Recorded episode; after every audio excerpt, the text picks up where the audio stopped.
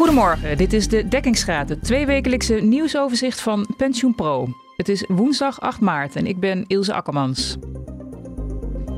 Met deze week, vermogensbeheerders hebben de duurzaamheidsclassificatie van honderden beleggingsfondsen verlaagd. Dat raakt ook pensioenfondsen. De Nederlandse Bank geeft zichzelf te veel macht om invaren bij een pensioenfonds te verbieden. Dat stelt de Pensioenfederatie. En pensioenfondsen mogen binnen de flexibele premieregeling geen collectieve oplossing bieden voor het shoprecht van gepensioneerden.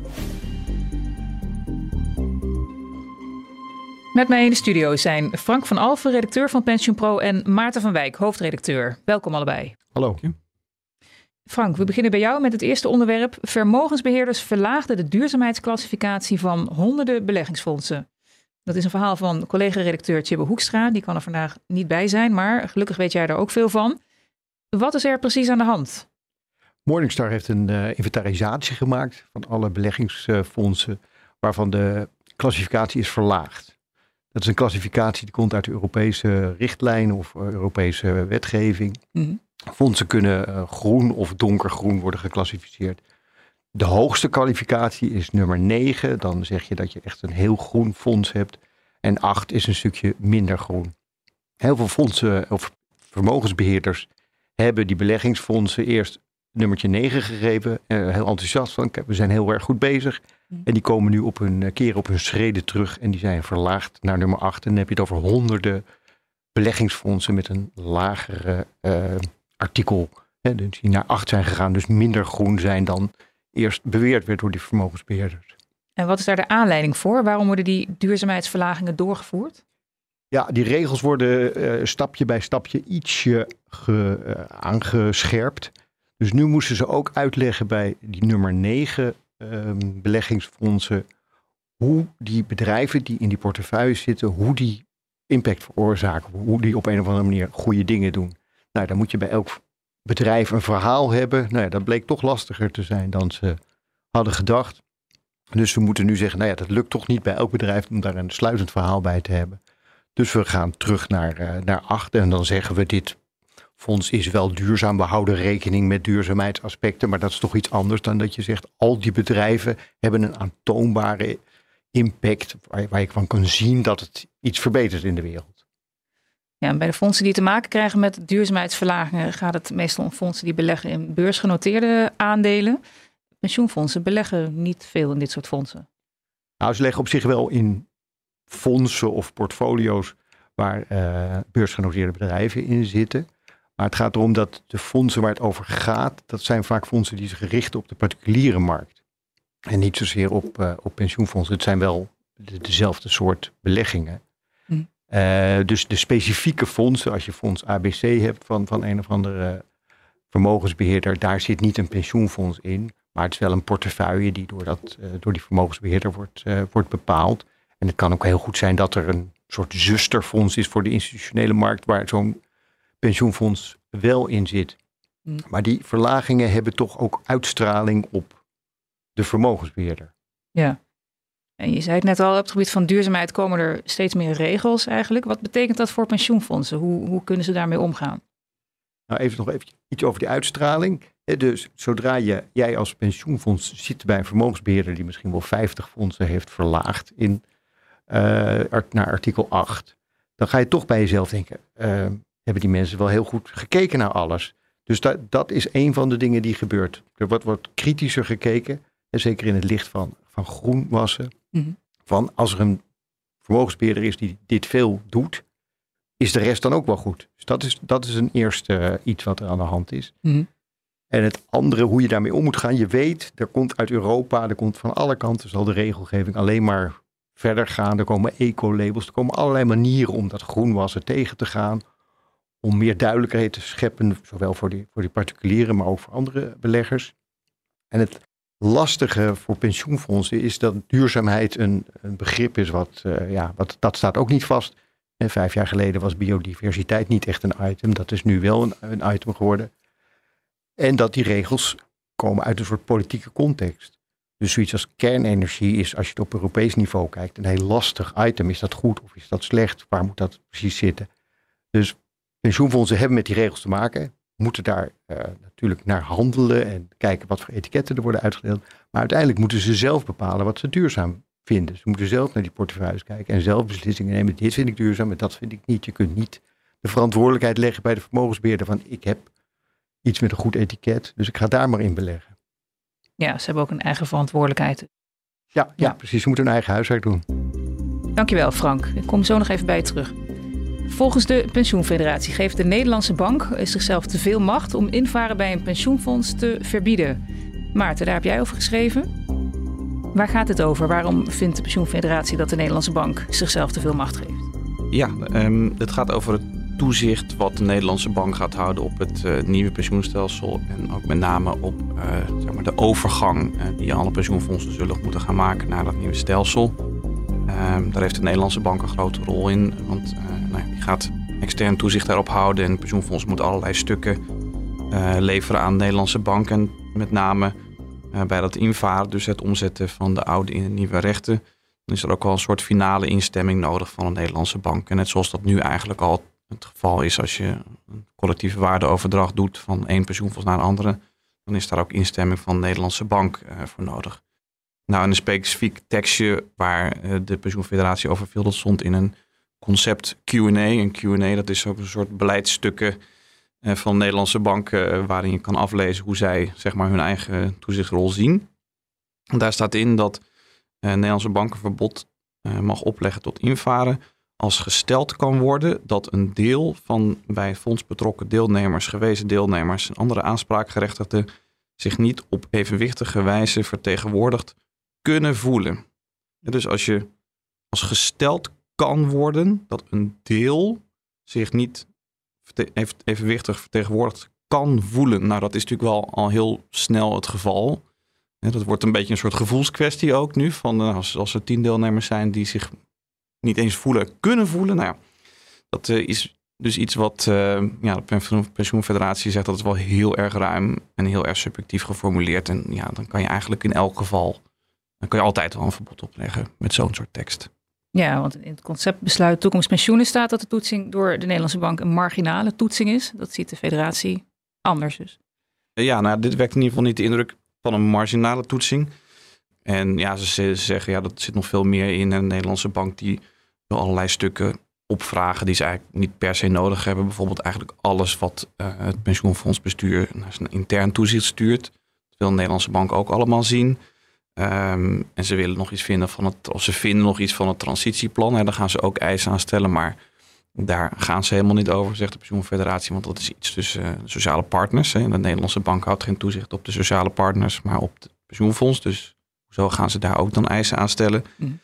Ja, aan de andere kant, uh, misschien een marginale toetsing. Dat lijkt me ook wat, ja, misschien vanuit pensioenfondsen bezien wat optimistisch. En je kan ook niet verwachten dat dat zo marginaal getoetst wordt, denk ik. Wat, wat is een hele domme vraag, ja. maar wat is eigenlijk een marginale toetsing? Nou ja, marginale toetsing, dat is dat je bijvoorbeeld in, in rechtszalen vaak ziet, hè, dus bestuursrecht of iets dergelijks uh, de gemeente neemt een besluit om uh, ja, een weg aan te leggen of zo. En dan kijkt de bestuursrechter of die in redelijkheid tot dat besluit heeft kunnen komen.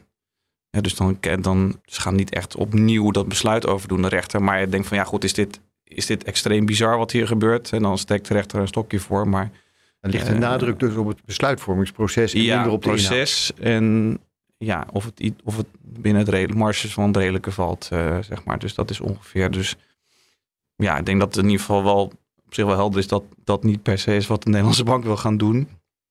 Ja, en het, het past een beetje in zeg maar een soort touwtrekken wat altijd al plaatsvindt tussen pensioenfondsen en de Nederlandse banken. Die toezichthouder wil natuurlijk zichzelf zoveel mogelijk ruimte geven om dingen te kunnen doen. En pensioenfonds zeggen ook al jaren van ja, laat ons nou maar uh, beslissen. Wij zijn allemaal, we hebben pensioenfondsbesturen, die denken allemaal heel goed over dingen na. En gaan niet op onze stoel zitten. Dus die klacht van de Nederlandse bank gaat op de stoel zitten van bestuurders, die, is, um, ja, die hoor je al heel lang en ja, die verschijnt nu ook weer. Ja. ja, en de federatie heeft in totaal 99 kritiekpunten, las ik.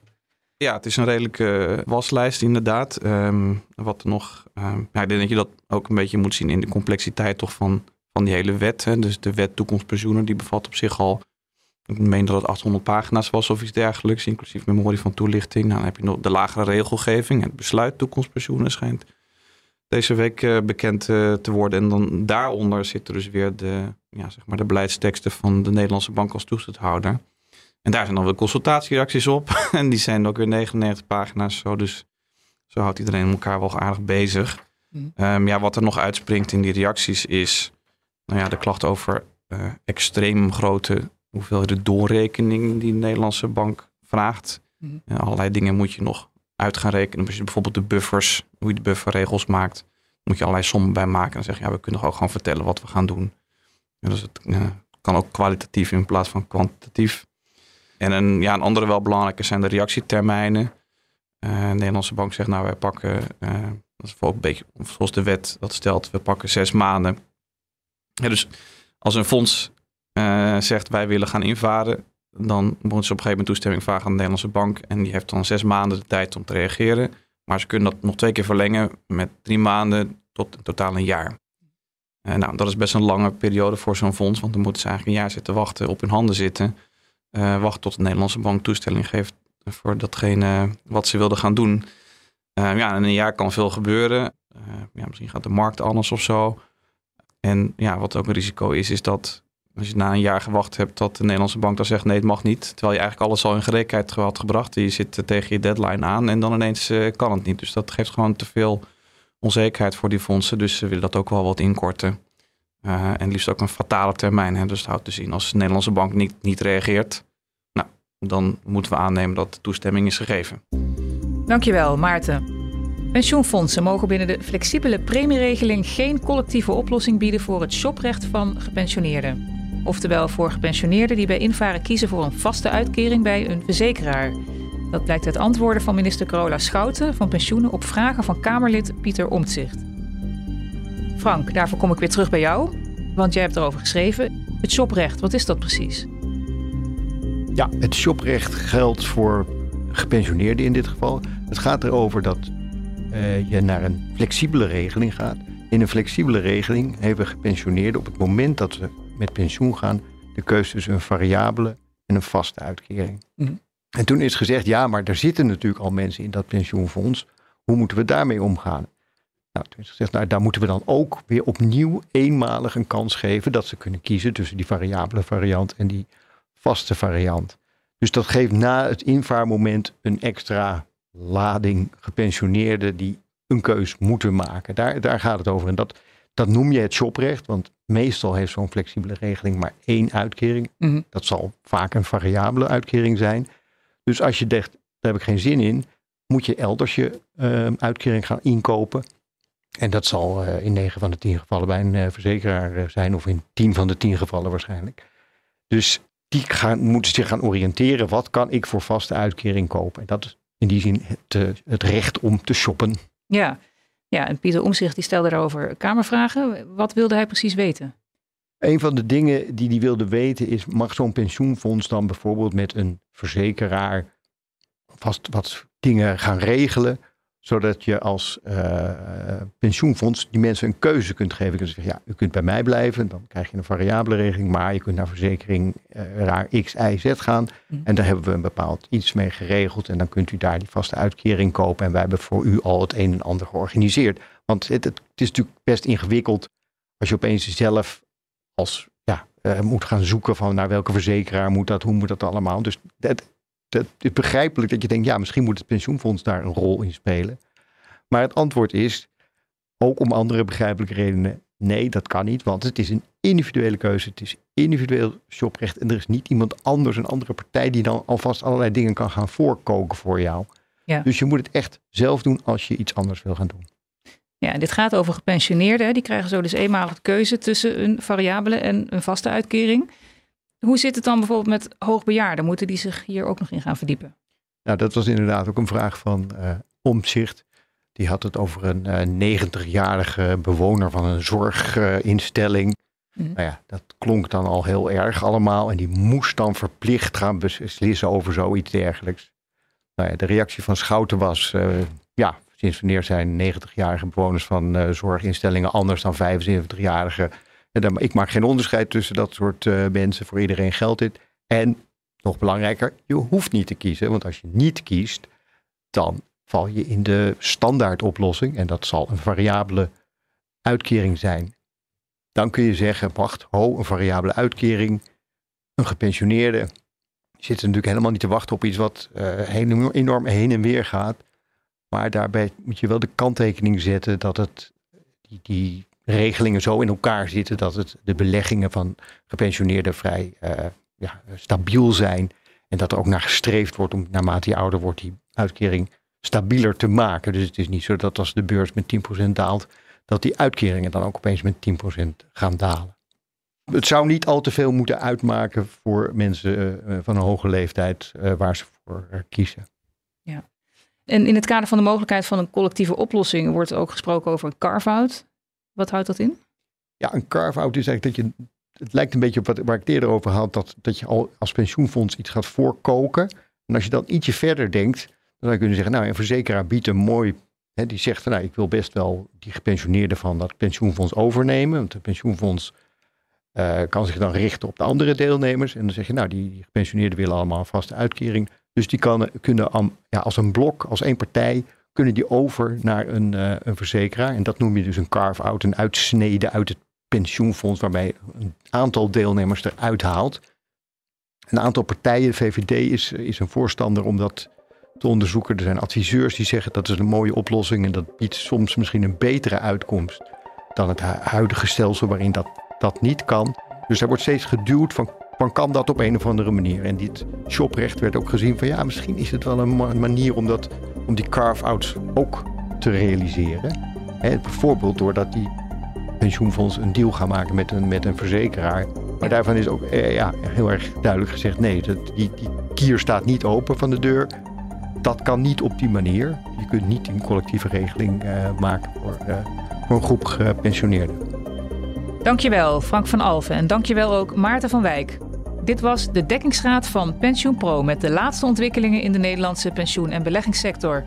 Op pensioenpro.nl lees je meer. We horen graag wat je van deze podcast vindt. Laat het ons weten op redactie.pensioenpro.nl. Fijn dat je luisterde. We wensen je een fijne dag en tot over twee weken.